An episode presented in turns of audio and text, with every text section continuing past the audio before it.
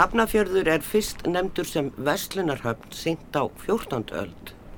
Árið 1391 lágur þar fjögur skip og fóru öll af Noregi. Þessi mikla sigling á Hafnafjörð hefur verið nýlunda en varð varanleg. Fjörðurinn er af náttúrunar hendi einhver besta höfn landsins. Þar gekk mikill grandi norðaustur á kvalerinni, kvaleirargrandi og endaði á klapparholti háagranda eða granda höfða nokkuð frá landi. Það reys fyrsti vestlunarstaðurinn í fyrðinum, fornubúðir. En skipalagi var það bæði tröst og gott. Þar stóð kirkja í eina tíð og gravreitur en minnjum um mannverki og forna íbúa á háagranda var rutt burt með gravvélum við hafnagerð á 20. stöld. Eftir skammaleit á Googlunu fann ég viðtal við Björn Þorstensson sagfræðing í jólablaði þjóðvíljans árið 1975 það sem hann var að segja frá fyrstu vestunarstöðum á miðaldum á Íslandi. Í dag eru hafnir ekki endilega vestlunarstaðir í þeirri merkingu sem þeir voru fyrir ekki svo íkja löngu en fisk er þó enn landað en ekki eins miklu mælu áður. Skemtiferðarskip eru stærstu skipin sem kom í hafnirnar en smábátaútgerðin er á sínum stað að ég held. Hafnarsvæði eru með vinsælustu byggingarsvæðum samtímans, ekki bara hér á landi. Í Evrópu sjáum við að hafnarsvæðin breytast í upplifinarstaði, ef maður getur sagt svo. Nú er Suðurhafnin í Hafnafyrði í þróunar og skipilagsvinnu og við ætlum að heimsækja fornubúður í þættinum í dag. Hér í stúdiói sitja Magniða Guðmistóttur arkitekt og Þráinn Haugsson, landslagsarkitekt. En fyrst förum við í heimsókn með Orra Steinarsinni arkitekt og Kristjúni Tóratsen, formanni hafnastjórnar, hafnaferðar. Já, við erum komin enn á aftur hér nýri fornubúður í Hafnafyrði þar sem við vorum að fjallum Hafránsóknarstofnunar húsið nýja, Timburhúsið, Fimmahæða hús fyrir ekki svo löngu síðan og e, það var nú tilkynnt þá að við ætlum aftur hinga því að það á að framkama heilmikið meira hérna. Hér er með mér eh, arkitektinn að deiliskypulæginu. Hann býr í Rotterdam og starfa þar í, í 30 ár með einn stofu á samt félögum og hann heitir Orri Steinarsson og er eh, arkitekt og skipulagsfræðingur uh, og er sérsagt að, að pæli þessu hér upp á Íslandi. Þannig að hann er nú ábyggilega búin að vera svolítið með annan fótinn hérna. Annars er alveg hægt að vinna á milli landárðið. Og svo er Kristín Tórótsen, hún er formaður samráðsnefndar sem er á vegum bæjarins, þannig að hún kemur úr pólitíkinni og er sérstaklega formaður þessar nefndar sem er búin að vera hugsa um hvað, um rammarskipula hér og hvað eigi nú að gera hérna á þessu svæði.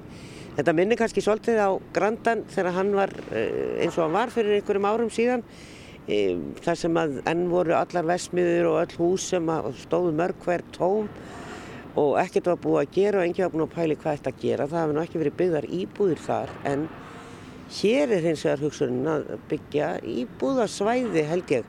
Árið þú er nú kannski, við erum að horfa hérna inn þessa götu, þetta er, þetta er náttúrulega alls ekki spennand að horfa og hér sjáum við bara gáma og bíla og bílastæði og, og svona hús sem eru komið svolítið til ára sinna. Þetta eru kassar og hefa greinilega geimt einhvers konar vesmiður á sínum tíma og ég vil gera enn, ég þór ekki að fara með það. Mm -hmm. En hér er verið að eh, pæli að, að byggja íbúðir. Já, sagt, þetta svæði hér sem við horfum á er, kemur til með að breytast á næstu árum úr því að vera svona lástemt innar húsa hverfi í blandaða starfsemi. Hérna við endan þar sem borgarlína er áætluð, stoppustöð, Já. sem er svona skapar fórsöndur fyrir blandaðri byggð og þéttari byggð, betri nýting á landinu að þar koma vestlanir á jarðæð og síðan fram eftir hérna hval er á óserabrautinni þar verður svona visslegt uh, íbúðasvæði fyrir fjölbreyttan markkóp. Það er nefnilega það. Við stöndum hérna við kænuna sem að er, já, Orrið sagði mér að þetta væri hjartabæjarins þegar hann ætlaði að hitta mig þar.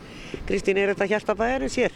Já, kænan, hún skipar stóran sessi hugum margra og það er hérna Hér hittast menn bæði í morgunkaffi og síðan í hátteginu og er bara hérna, eina af þessu, ja, ein þessum stöðum sem við okkur þykir óslulega vænt um hafningar. Þetta er kannski eitthvað sambarilegt með kaffivagnir á grandanum yfir? Já, þetta er einmitt það og hérna ég svona, myndi segja að þetta væri bara einna mikilvægastu stólpum okkar hafninga hérna. Já. á svæðinu. En hvenar, að þú kemur úr pólitíkinu, þetta er náttúrulega fyrst ákvarðum þar hjá bæjar, bæjarstjórn að hér eigi að fara að framkvæma eitthvað. E, Hafnfyrringar eiga nú slatta landi og því að við svona verið að byggja ykkur svona meira í kringum Strömsvík og þar undanfærin ár. En er þetta svona stefnaðið þéttingu byggðar að, að byggja hér?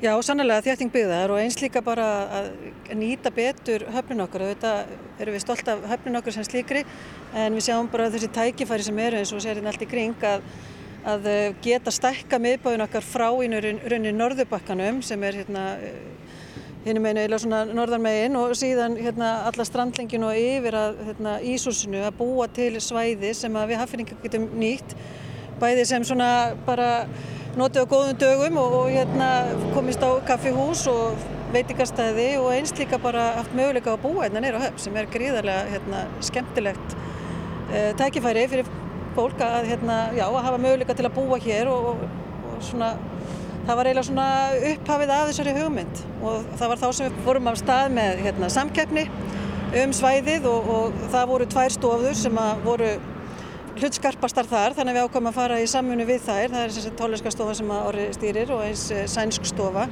Gautaborg.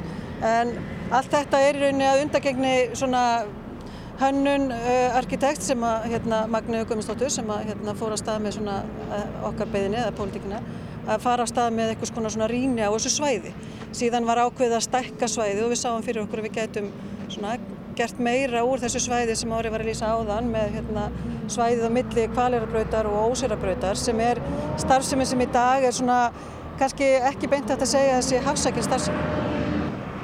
Hvaða starfsemi er hérna? Hérna eru, jú það er einhver fiskvinnsla, það er, þetta eru geimslur og mikið. Og hérna hér eru, hér er starfsemi sem getur unni verið nánast hvar sem er. Í það minnst að vilji að að hérna, endur skipulegja það. Og þá var þetta hugmynd sem kom frá arkitektum að hér væri bara mjög svona skemmtilegt svæði til þess að hérna, bæði þjættabyggð sem eru þetta hérna, eitthvað sem að flest bæði fylgur er að huga að. Og, og hérna, búa til svona já, Skemmtilegt hverfi? skemmtilegt hverfi. Það er nú kannski einhver orðið sem að myndi setja spurningamerki við að það er Gautaborg og, og Rotterdam. Mhm. Þú er búin að búa í Rotterdam í 30 ár og reka þar stofu. Einhverji setja sjálfsagt spurningamerki hvað eiga á fólk upp á dekk sem að býr ykkur út í heimi að skipulegja bæjakverfi í, já, í, hvað ég var að segja, á höfuborgarsvæðinu. Já, sko sumt er bara svona algild hönnun getur við sagt sem eru bara svona algild uh, viðmið og gildi í fæinu en að samaskapi þá eru við líka og það er svona helmingurinn að verkefninu finnst okkur er að mynda góða hljómgrunn.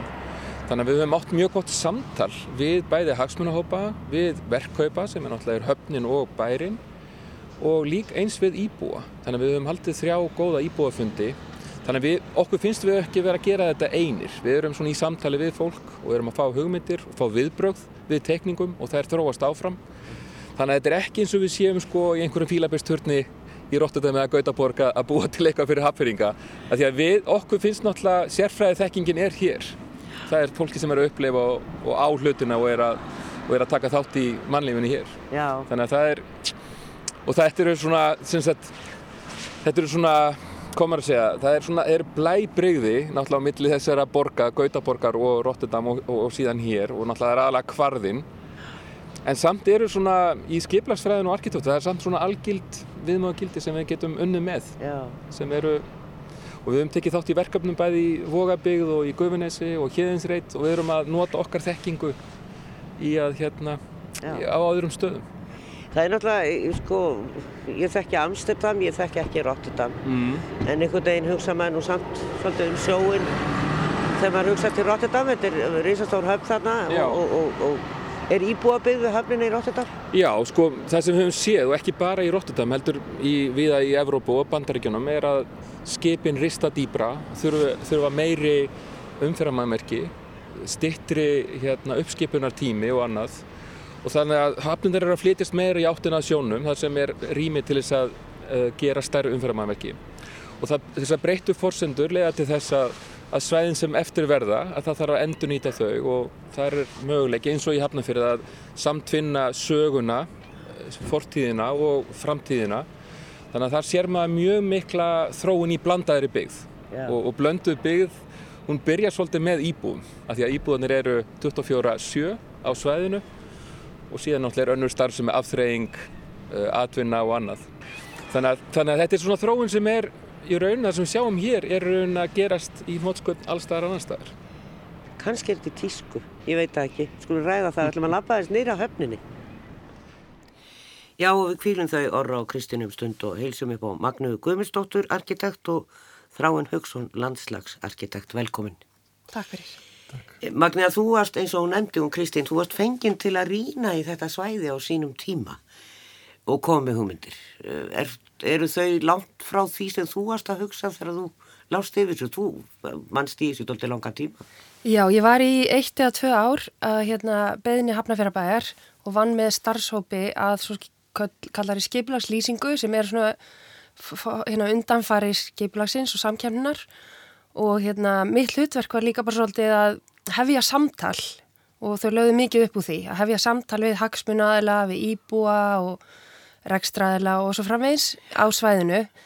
Og hérna og það var ótrúlega ánægilegt og skemmtilegt ferli. Og þú veist það er mikil gróska þarna á svæðinu, Íshúsið var nefnt, þar eru listamenn og hönnur að vinna að sínu og það eru þarna hérna húsin við fornubúðir sem er líka alls konar litlir aðilar búin að koma sér fyrir og hérna kaffihús komið hana og það er alls konar í gangi. Þannig að það er ótrúlega skemmtilegt að fylgjast með því og í rauninni síðan hann að hvað 2015-16 þegar ég var að vinna þessu að þá er þetta bara aukast einhvern veginn. Að hérna þannig að við þetta var já ótrúlega flott samráðsferðli við hérna heldum síningu í Hafnaborg og fórum í göngutúra og heimsóttum fólk og við tölum svo framvegs Þannig að hérna, samkjæmnin byggðist á þessari vinnu.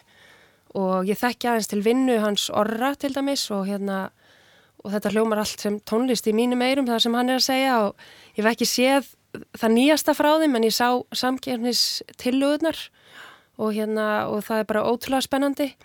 Og hérna, það er náttúrulega allt eftir að þróast.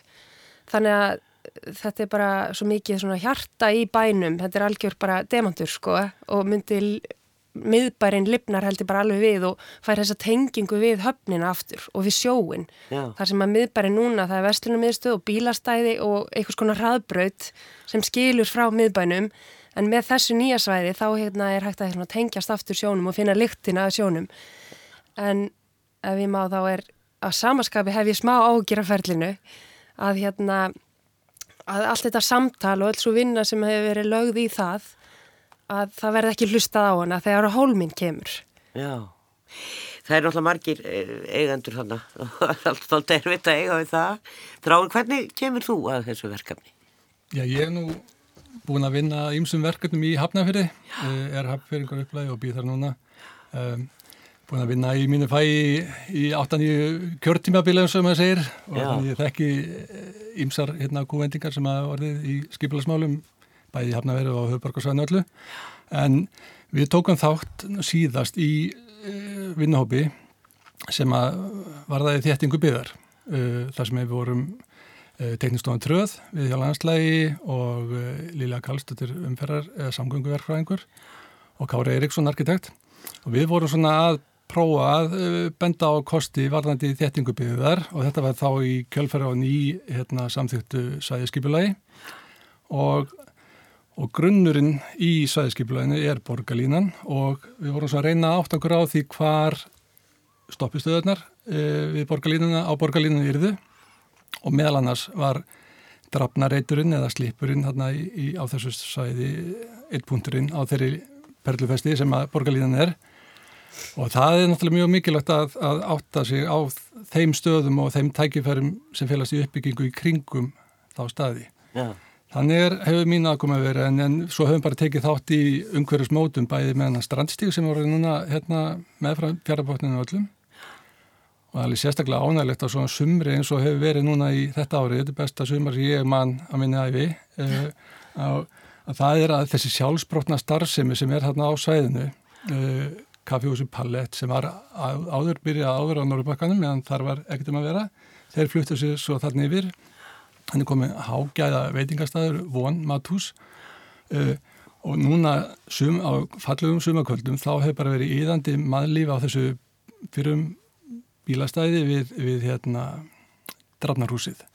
Og að því að hafnafyrir snýr svo vel við sólu að hérna, á svona kvöldum eins og bara hafi verið undarverið þá skín kvöldsólinn beint þarna inn á þetta plan og, og maður sér sólinn að setja svona bara um, í haflötin þarna út í fjaraðarminninu þannig að það er gríðaleg gæði í þessu sæði Já, mikið. Það er þetta sem er peningana virði og þess vegna e, sækjast menn eftir því að geta gert eitthvað þarna.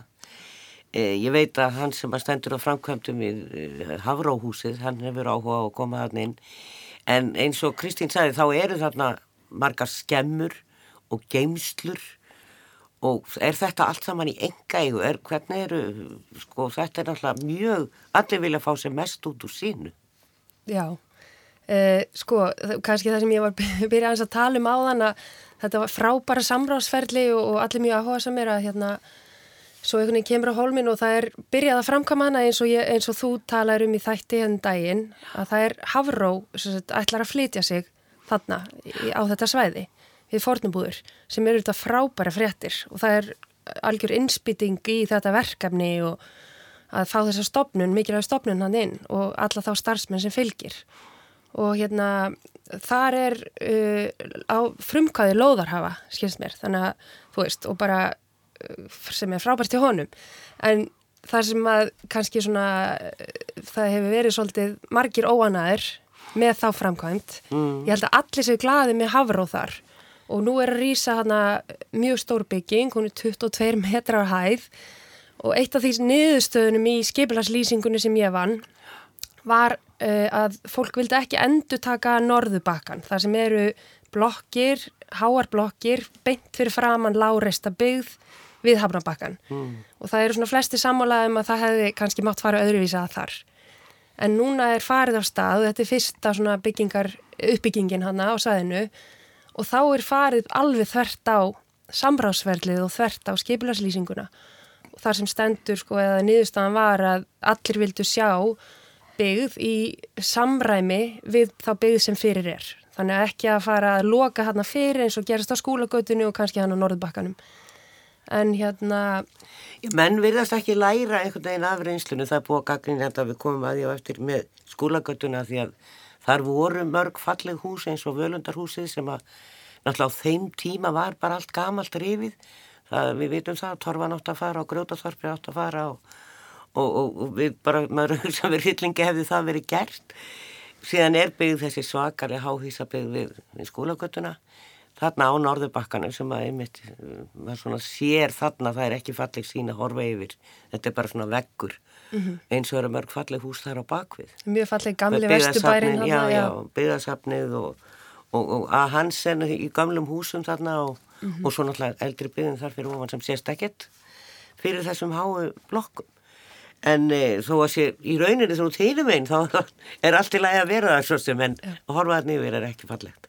E, hvað segir um þetta að nota, þetta ber að varast í að hafra á húsið þó að það er sagt að það er fimm hæðir en mm. það er ávið sjöhæðahús því það er mikið lofthæð mm -hmm. Sko, hérna ég nú þannig þengjandi svona kannski af, af hérna, gammalli reynslu er, er, þegar verkinu er konið gang þá er ótt sem við sjáum í, í þeirra vestu mynd svona þegar umrann stendur sem hæst þá ég segi að þetta er komið í gang, þetta verður ekki stoppa, við skulum sjá hvernig þetta klárast og hvernig þetta lítur út á endan. Ég þekki það í öðrum verkefnum sem við hefum verið að vinni þar sem er full samfæra um að þetta sé allt í, verður allt í góð lagi þegar uppi staðið. Ég er ekki að segja að þetta hérna, hafi verið rétt að hæðina á þessu húsi en, en hérna núna bara býðið spenntur að sjá hvernig þetta klárast. Ég veit að það er unni með uppbrott í, í talsett meira uppbrott í þessari byggingu þarna heldur en til þess að norðubakkanum Og svo er það með tínliðin á, á þessum peningi er svo að með uppbyggingun á Norðabakkanum, hvað sem okkur finnst um hana, þá erum búin að fá þarna íbógrunn í miðbæin sem er alveg nöðsilegu til þess að búa til mannlífið sem við viljum hafa í miðbæ hefnafyrir. Því miður er búin að missa alveg fullt af góðri starfsemi sem við hefðum viljað hafa lengur í miðbænum eða hafa áfram í miðbænum. Póstarsemi, výmbúðin, skatturinn, Uh, starfsmenn bæjarins sem sinna skipilagsmálum, þeir eru núna langt upp af öllum þeir byggu til heilmikið mannlíf í miðbænum, bara ráðgjafarnir, allir sem voru komað að fundi til þeirra áttu erindi, þeir stöldruðu við fyrir og eftir, fengur sér kaffi á súfustannum eða hvað sem var þá eina sveri bóið þá, súflóra hefur hérna stekkað. Já. Þannig að já, við, það þarf að hafa fólk það, það þarf að hafa fólk í miðbæin og, og starfsemi. Og, og það var akkur að því nefndi þess að vinna við þéttingubiðar í hafnaði fyrir, fyrir nokkrum árum þá er mitt bentum við líka á alltaf þessa stóri landfyllingu. Þegar maður horfir á, sem er Suðurhöfnin þegar maður horfir á hann á loftmynd þá er hún einmitt mjög virðist vera mjög illa nýtt svæði. Það, er, það eru stóri flokar hérna sem ekkert eru frétta. Og hérna, bentum við einmitt á og við bara mátum einhverja, einhverja þetta hérna, borgarbyggð inn á það svæði og það er til í þessari skýslu sko, sem var þá aðdraðandi svolítið af. Mhm. Já, áður að við heyrum í Orra og Kristín áttur þá svona einn spurninga því að eh, hafsækin starfsemi er orðin svo miklu miklu minni í höfnum við sjáum að það er ennþá verið að landa fiski út á Granda og það er landa fiski þarna ennþá og smá eilega mm -hmm. og þarna eru svona smá skip ef við getum kalla, við getum kalla kútera eða hvað maður ákalla þessi skip sem er svona millistór, þetta er ekki tógara lengur sem er að koma í höfnina. Og svo er það smábáta útgerðin en e, það er eitthvað sem er þess virði að haldi í og svo hvert á sko stórskipaflutningurinn að fara eða er einhver slík í hafnafyrði þess að maður verið að flytja gáma og annað verið allt saman Nei, það var svo sem nefndis Já, í svæðiskipulæðinu var uh, voru nefndir hérna ákveðin kostir annars er grundatangi, sem bara ein höfn fyrir allt höfuborgarsvæðið það er spurning hvort að hún eigi vera upp á grundatanga það var strömsíkur eða óttastæða höfn hefur líka inn, inn í umræðinu en hún náttúrulega myndi leggja undir sig stórmerkilið svæði hvað var það landslag og, og minjar. Svo náttúrulega spurningu þólasöld líka hvort að hún getur sýnt þessu hlutverki fyrir Svo líka bara hvernig samfélagi er að þróast, það er yðna, stóri yðnaðurinn í dag er þessi upplifunar yðnaður, er það ekki? Jú. og hérna, og fólk vil upplifa, þú veist, fiskinn og sjómenn eins og litlum sætum einhvern veginn hérna Já. skala Já. og það er enþá mjög stert þarna í, í smábátahöfnin í Frensborgarhöfn og skemmtifæraskipin mm. sem eru, þú veist, líka upplifun og hérna, og það er verið að tala um matamarkaði og, og svo framvegs, þannig hérna það er náttúrulega bara heilmikill business í því líka, öllu saman og er, verður mjög spennandi sko. Nákvæmlega. En það þarf að hlúa að öllu þessu upplifun og hlúa öllu þessu mannlífi. Já, það maður, bera virðingu fyrir því. Man býr það ekki til, þetta er, er einhvers konar græsrót í leðinni. Já, einmitt. En við skulum fara aftur með Kristínu Tórótsen bæjarfylltrúa og Orra Steinasinn arkitekt að fornubúðum í Hafnafjörði. Já, við erum búin að færa okkur hérna niður að smábátahöfninni og hér eru reyndar fiskibáta líka svona við starri bryggjuna og svo fyllt að litlum bátum og svona trillum og þannig að menn er að veiða sér í sóðið og hafa kannski eitthvað smá kóta. E, hér hafa krakka verið að dorga og svona mér skilst nú að svo aðstæði eigi að vera áfram. Hér því að e, það er svona svolítið tengslum við Havró, þetta stóra hús sem er að rýsa hérna, fimm hæðir. Orri, er það eitthvað að trubla svona áfram Eða er það inn í myndin á ykkar eh, deiliskypulagi, þetta stóra hús? Sko húsið, Hafrahúsið og svo þróun var bara, það voru gefnar fórsendur fyrir okkur sem fórum í rammaskipulagsvinnuna. Þannig að öll þessi fortið og öll þessi umræðu um það hús, það var ekki inn á okkar borði en það komum við setna inn í ferlið. Og frekar öfugt að við tökum það bara sem, eins og ég segi, gefnar fórsendur og, og notum þennan kvarða og þennan, sagt, þessa nýju þróun sem hefur átt í stað sem er raun bara öruglega gríðarlega mikið liftistöng fyrir bæjarfélag eins og Hafnarfjörð að fá svona stopnun sem dregur að sér aðra starfsemi. Og það sem kannski er mjög merkilegt að, að Hafnarfjörð alltaf fær að nota höfnina. Þannig að hérna koma skipin inn á með upplýsingar úr rannsóknarvinnunni og þarna er orðið sagt, ákveðið samlíf þarna Bryggjan og, og, og ja. þannig að það er bara eitthvað sem við tökum inn í myndina og, og vinnum með. Ja. Það er, við stöndum hérna núna við svona smáhísi sem að það er nú búið hérna greinlega á einhverjum efri hæðanum.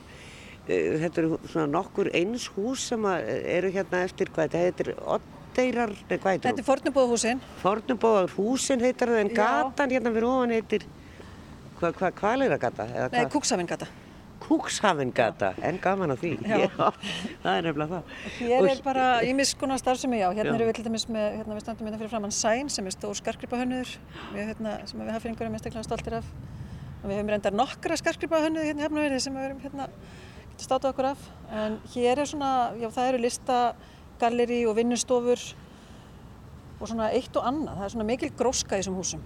Þannig að þið ætla að halda þeim eða hvað? Já, við Já. sjáum ekki annað fyrir okkur heldur en að við höfum allavega í þessu rammarskipulas, þessar rammarskipulasvinnu þá, þá eru þau á tekniborinu og hérna, við sjáum ekki fyrir okkur neina breytingu hér á þeim. Eh, Það er alltaf erfitt að, að, að, stjætta byggðina og við heyrum það bara í Reykjavík og við heyrum það svo sem allstaðar að það, það er alltaf einhver andmæli og það er sumum finnst bara erfitt að, horfa á breytingar og vilja bara ekkert breyta þetta á bara að vera eins og það var. Við getum bara nefnt lokun lögavegarins sem að er eh, fólk að mjög svona misjafna skoðanir um það. En andstaðan hér, hvernig, hvernig hafa íbúðanir tekið í þessa þéttingu hérna við hafnina?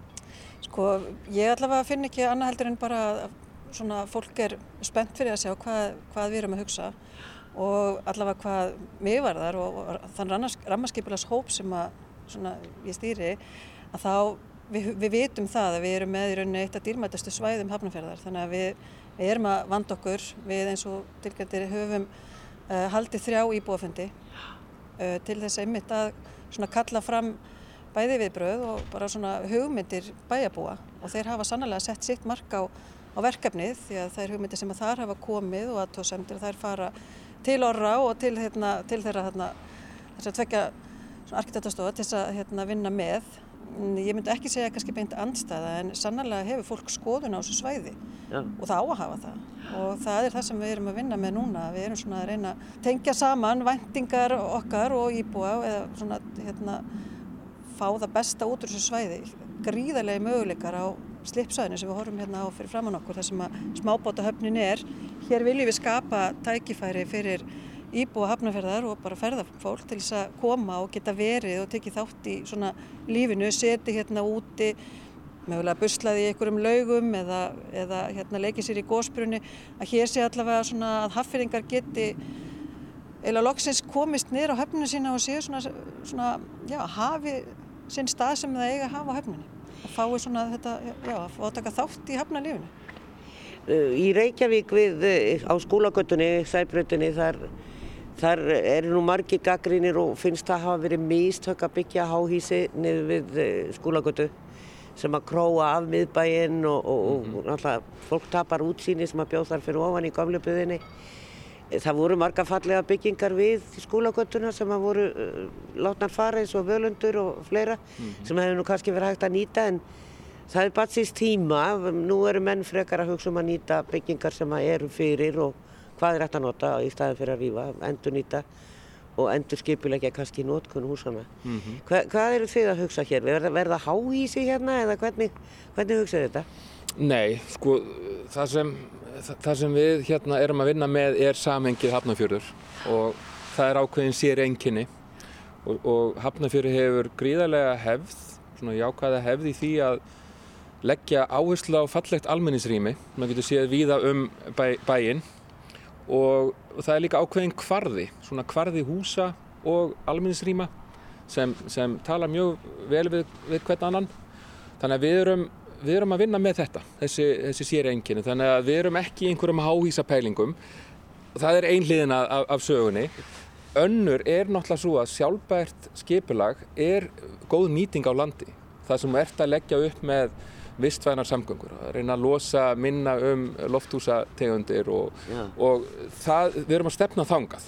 Þannig að það þýr það að það er einhver, verður einhver breyting á og það kannski verður breyting á einhverjum útsinnum fyrir einhvern. Þannig að það er ekkert að komast hjá því. Þannig að við erum, við erum samt svolítið að tippla á tánum að, að vinna með þessi sér enginu og kvarðan eða við erum samt að reyna að nýta svæðið vel. Við erum hérna með skarskreipahönnuð og, og eins og Kristín sagði þá er svona ímið starfsemi hér í þessum húsum. Uh, sko fyrir, já það er ekki fyrir svo íkja löngu síðan, það máttu fólk nú alls ekki búa á atvinnisvæðum. En, en núna er það einhvern veginn svona svolítið tísku að, að blanda smá yðnað og hreinlegan yðnað með íbúanum og þannig að fólk getur jafnvel búið á sínum vinnustaf. Já. Er, er þessi pæling hérna inni? Já, við erum sem sagt, um, og þá í raunum á að segja að þetta séu þrjú svæði ef maður svolítið stokkar þau upp. Þetta er sem sagt slipsvæðið annars vegar síðan svæðið sem við erum á núna sem er rauninni, við kallum það hafnarsvæðið, það sem er hafnsækin starfsemi og síðan er íbúðasvæði sem vorum áðan á milli kvalera brautar og ósera brautar og við erum svona, og þar verður mikil íbúðabyggð. Uh, á slipsvæðinu erum við að reyna að vera með jarðhæðina virka, það er, það það er að segja einhver opinn starfsemi, uh, það getur verið veitingar, það getur verið syklingaklúpur, það getur verið hvað sem er og búið þá að efri hæðum en aftur á móti í höfninni á hafnarsvæðinu þá enn sem komið er þá er hort á hafsakna starfsemi eða blandaða starfsemi, aðra heldur en íbóðstarfsemi og það er svona til þess að til þess að gefa líka höfninu það sviðrum sem hún hefur þarf að, að, að, hérna, og það, það er viðkvamara en það er kannski líka spurning um tíman að með, með tímanum og svona rammaskipila sem við verum að gera þetta er ekki, í, þetta er ekki sett í steipu Nei. þetta er svona ákveði rammi þetta er svona heildar sín og með varðandi umferð og kvarðahúsa og alminnsrýma en síðan eh, náttúrulega þarf tíminn líka svolítið að vinna með okkur og, og, og, og það getur ímislegt breyst með er náttúrulega gamalt hús hérna við strandgötuna held ég að hún heiti, sem er Íshúsið, sem að mér skilst nú að eiga varveita, fallegt hús. Þar er ímistarðsemi orri og hér er smábótahöfn og ekki að hún að fara neitt. Ekki það fara sko, í rauninni það frekar að vera að horfa til þess að bæta aðstöðu fyrir trillukallana, trillufólkið. Um, það er hugmynd núna á borðinu að uh, siglingaklúpurinn sem er hér til húsa í Bláahúsinu að, að færa það hús nær miðbænum og, uh, og stekka í rauninni aðstöðuna smábátahöfnina sem slíka. Þetta er þá meira trillusvæðið en smábátahöfni færi nær miðbænum sem er náttúrulega er alveg gríðalega skemmtileg tækifæri til þess að mynda þennan steppingstón á milli miðbæðarins og, og hafnar svæðisins. Já. Þetta er svona skemmtilegri gönguleg, það er meira að gerast, meira að upplifa. Og þetta er sem sagt hugmynd sem eru núna á tekniborðinu og svo í Ísúsunu þar er bara gríðarlega skemmtileg starfsemi. Það er öflög uh, svona sjálfsbrottin uh, listarfsemi, það eru mikið að keramik listamönnum þessi 8 eða 12 sem deila þarna opnum, þremur stórum opnum ah. Þannig að það er, svona, það er ekki mjög sínlegt núna en, en það gæti orðið það með einhverjum breytingum með að opna húsi kannski meira og gera lítið kaffús og annað og tengja þetta meira við hafnalífið. Þannig að það er alveg gríðarlega mörg tækifæra á borðinu. Ísúsið er sérstaklega það og ekkert að fara?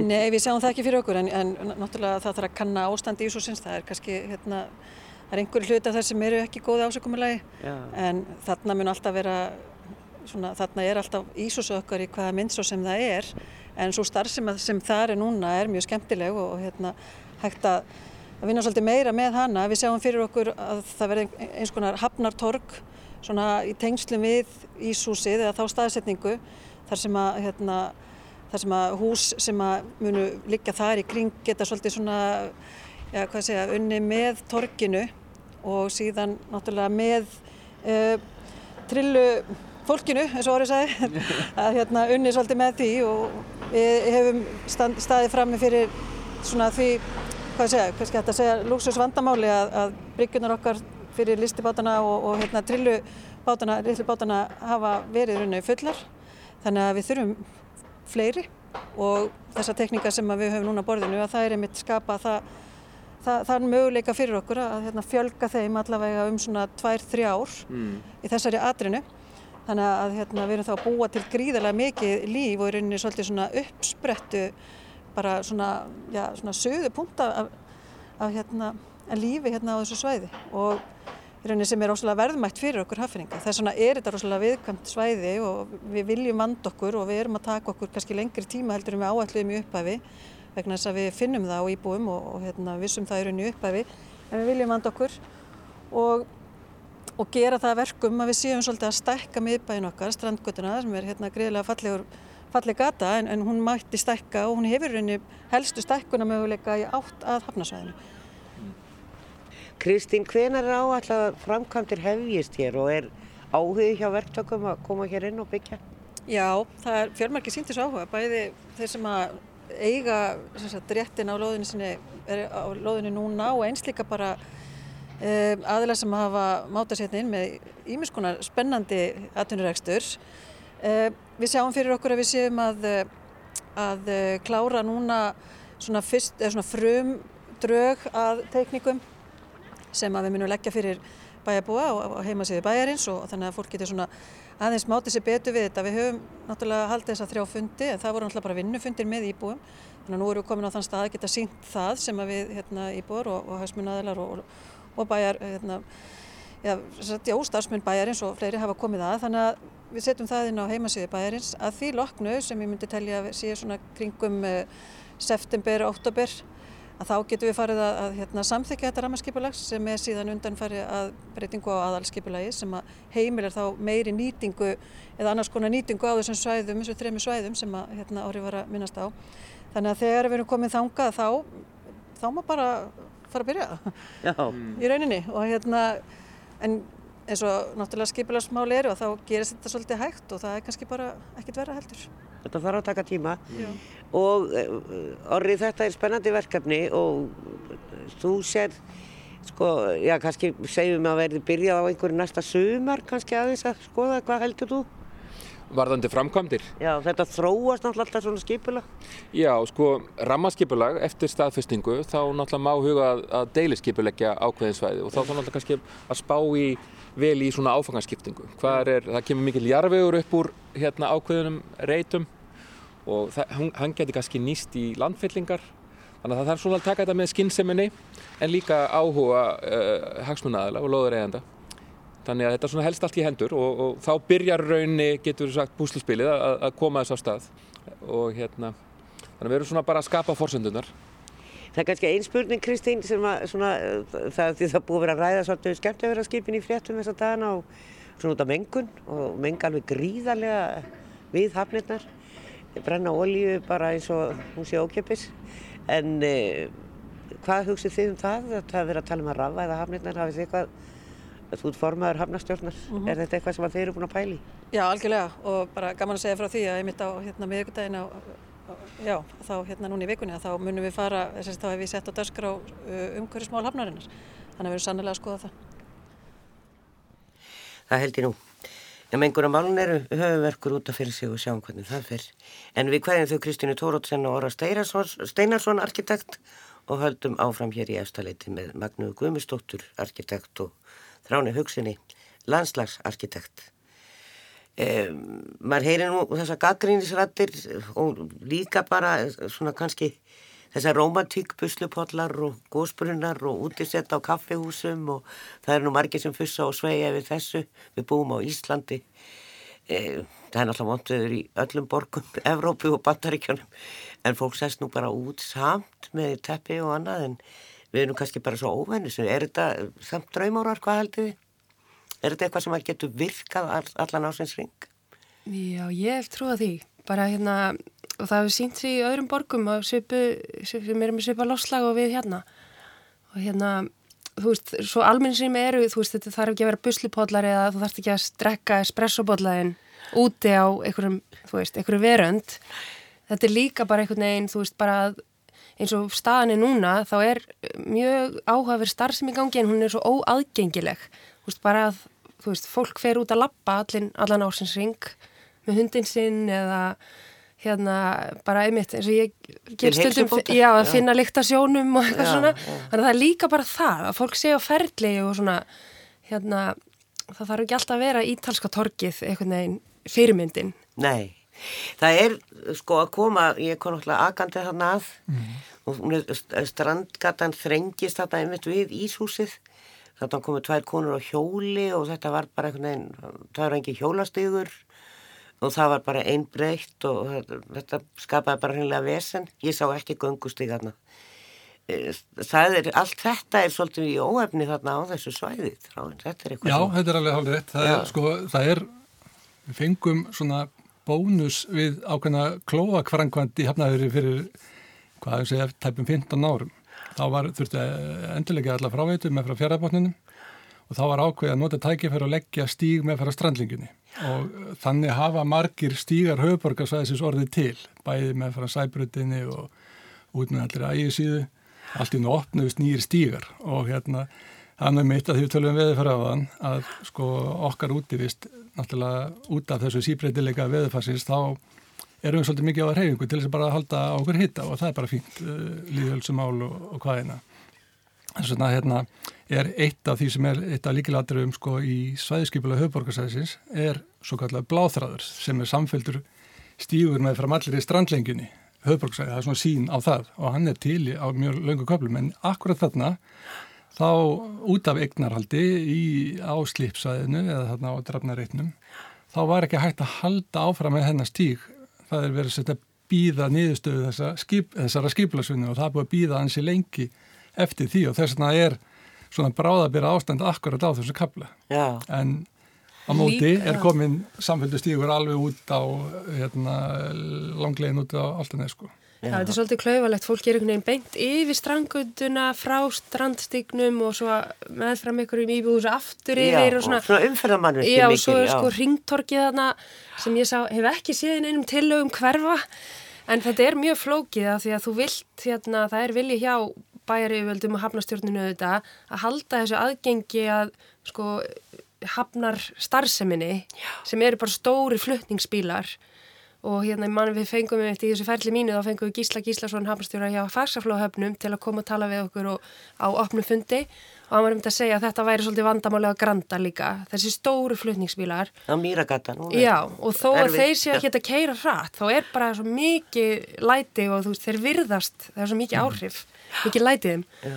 og þetta er svolítið það sem þeir eru að glíma við þarna við höfninu líka þannig að þú þarfst að hafa mjög gott aðgengi þar en samt vildi tengja gangandi, hjólandi við íbúakverfi og miðbæin þannig að þetta verður alveg smá snúi og ég vonaði að það verður lögð góð áhersla á að leysa þann hnút sem er núna Já, Ég var einmitt sko stattur á síðustu kynningu Já. að því ég verð forriðin með skipilagsmáli hafnaferði og þá sá ég að Orri var búin að tekna út þetta hringdorg sem Ok. er þannig þannig að Já. það er allavega Já. í fyrirleikandi tilögum er það sem eru mjög góða fréttur fyrir gangandi og hjólandi. Ringtorg eru svo hamlandi. Já það, það er svo erfitt að fara þar yfir göttu Já, það já. er bara einhvern veginn ekki hægt. Já. alltaf vesen. En e, það er búið að færa líka sko að vera að tala um að færa smábátahöfnina nærri nær sem sagt miðbær, gamla miðbænum í Hafnafyrir getur við sagt um, við miðja strandgötu. E, ég sá nú bara í, á MBL í dag held að, að það væri næði nú alveg þarna út en það er sem sagt hinn hluti miðbæjarins þess sem er verið að endurskipilegja og þar er e, teknistofan Trípóli nefnd. Og þar var á lítilli tekningu inn á MBL búið að færa smábátahöfnina eiginlega fyrir miðju á strandvegin um, er þetta eitthvað sem að þú varst að hugsa um Magniða þegar þú Við sko, við... Af því að það vantar meira- meira pláss. Við mitt afmörkuðum okkur eh, svæði sem við vorum að skoða bara við þannig að Flensborgarhöfnina, svo kallið, en hérna, en höfðum alltaf í huga þessa tengingu við miðbæn og það var svolítið líkill í þessu verkefni og eins og Kristín Orri töluð um áðan, sko. Mér finnst hérna, það komið mitt hugmyndir úr samkjæmninni uh, þar sem einhverjir höfundar fóru út fyrir skiplagsvæðið og teiknuði mitt einhverju svona hugmyndir og svo í Trípoli hefur verið að skoða sko miðbæn og þeir hafa kannski tekið upp þennan þráð og haldið áfram. Já, en ég- sko ég veit að ég hef ekki skoða útfæslina en ég er mjög spennt fyrir þessum hugmyndum. Af því að þessi göngulega milli er svolítið svona já, kannski ekki nú aðlandi í dag gæti alveg, mætti alveg nota þetta fyrir meiri smábáta og ég veit að það er öll pláss fullaðna og það er ásókn í smábátahöfnina og hérna, hún verður klárlega vel nýtt og gæti verið skemmtilegt. Sko borgir eins og, og sem að við flest höfum sjálfsagt heimsótt og margir Íslandingar, Stokkólmur, Kaupmannahöfn, Nýhöfnin í Kaupmannahöfn, bara uh, Vesturbakkin á Thames í London, svo eitthvað sem nefnt, uh, þetta eru indislegi göngustæðir uh, á góður í dögum og bara, að ég vildi alltaf bara gaman að ganga þessa staði, hvernig sem viðra því að það er svo margt að sjá. Og, og þarna er, til dæmis í Stokkólmi er alveg fjöldin allir af skipum, alltaf rosalega mikið af glæsilegum snekkjum, mm. kannski látt í það að við sjáum það hér í höfnum á Íslandi, veit það ekki, en, en þetta er eh, eitthvað sem bara dregur fólk af. Já, já, það er þessi umbreyting hafnasvæða hérlendis og öllendis. Það má segja að það sé búið að endur skilgreina hugdækið hafnsækin starfsemi. Það er raun og ég heldur síðan að stela ykkur frá hann Hjálmari Sveins, hann nefndi þetta ekkert hann í, í sambandi við skipulagsmáli Reykj við Reykjavíkurhöfn að hafnsækin starfsemi er raun og raun alls starfsemi og alltaf líf sem vill vera við höfnina. Og þannig að þú veist, það getur alveg verið veitingastafur eða hvað sem já, er. já.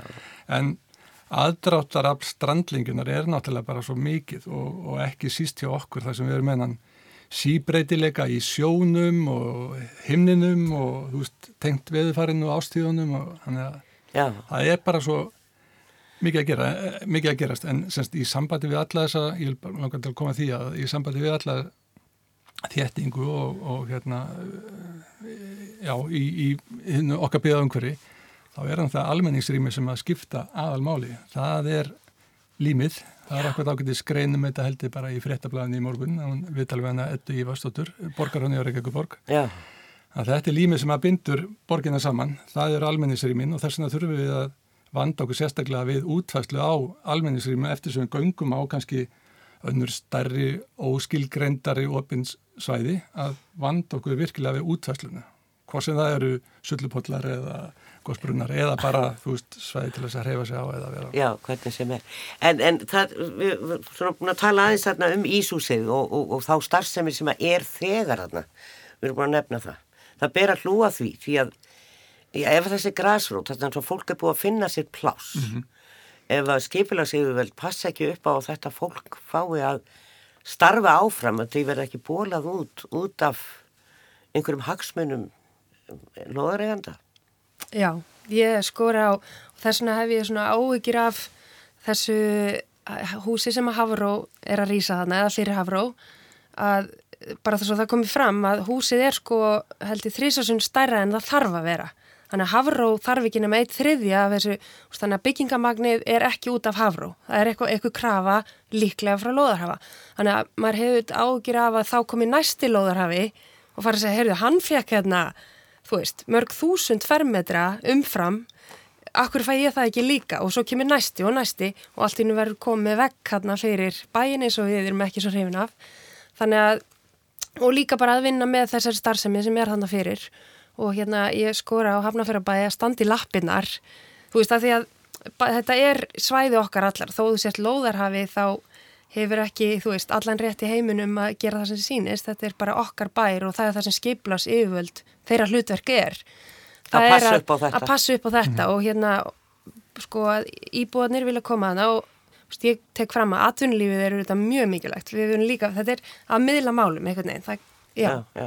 Og, Hann og, orri nefnir þetta meðal annars, hann talar um hvarða og þeir einhvern veginn fá þetta hús í fangið þegar þeir eru fengnir til að deiliskipulegja eða vinna að þessu skipulegi og þá er komin einhver hvarði eins og hann kallaði sem er kallaði skala e, og svo talar hann líka um að sjálfbar byggð sé best þannig að þú ert að nýta lóðurna sem mest og best þannig að þetta er það sem að þarf að varast hvað mest að, að það verði ekki yfirgangur og að menn já, seti, seti vegg þá, setja stólum fyrir þetta. Já, neða, þetta er frábært að þú komar inn á þetta vegna þetta eru náttúrulega alþekkt dæmi út um allan heim. Það eru listamenninir sem að í raun og veru gera svæðin vermætt með sinni starfsemi, með sínu lífi, gera það aðlandi, það dregst að í fólk og það verða veit, komið þar inn kaffihús og veitingastæðir sem að smá saman hækkar standardin og, og skalin og, og allt í einu er húsalegan orðin dýr fyrir þessa frumkvöla á þessu svæðum frumbyggjuna og þeim, þeir þurfa að finna sér ný svæði þar sem þau byrja að tala upp ný svæði og, og hérna gera þau verðmætt já, þetta, og þetta er bara, það er til dæmum til hafnaðri það sem að hérna Palett var á hlut byrjaði náttúrulega að nýta sér og notaði að jarðhæða á Norðurbakkanum vegna þess að bara það var beinu framhald af hruninu Og leikhúsið. svo já, svo, Já, svo var þeir líka. þarna út og Já. að taka þátt í að búa til þetta líf þarna sem er núna komið og við verðum að já, finna leið til þess að halda þessum skemmtilegheitum hann inn á þessu sæðu og í bara þau að það skiljið. Við komumst ekki yfir að fara að tala um að rafvæða hafnir þó að það sé mjög mikilvægt mál og, og alveg virkilega ástæði til að ræða þau mál. En eh, Magnea Guðmundsdóttir og Þráin Haugsson, takk fyrir kærlega fyrir. Takk svo les. takk fyrir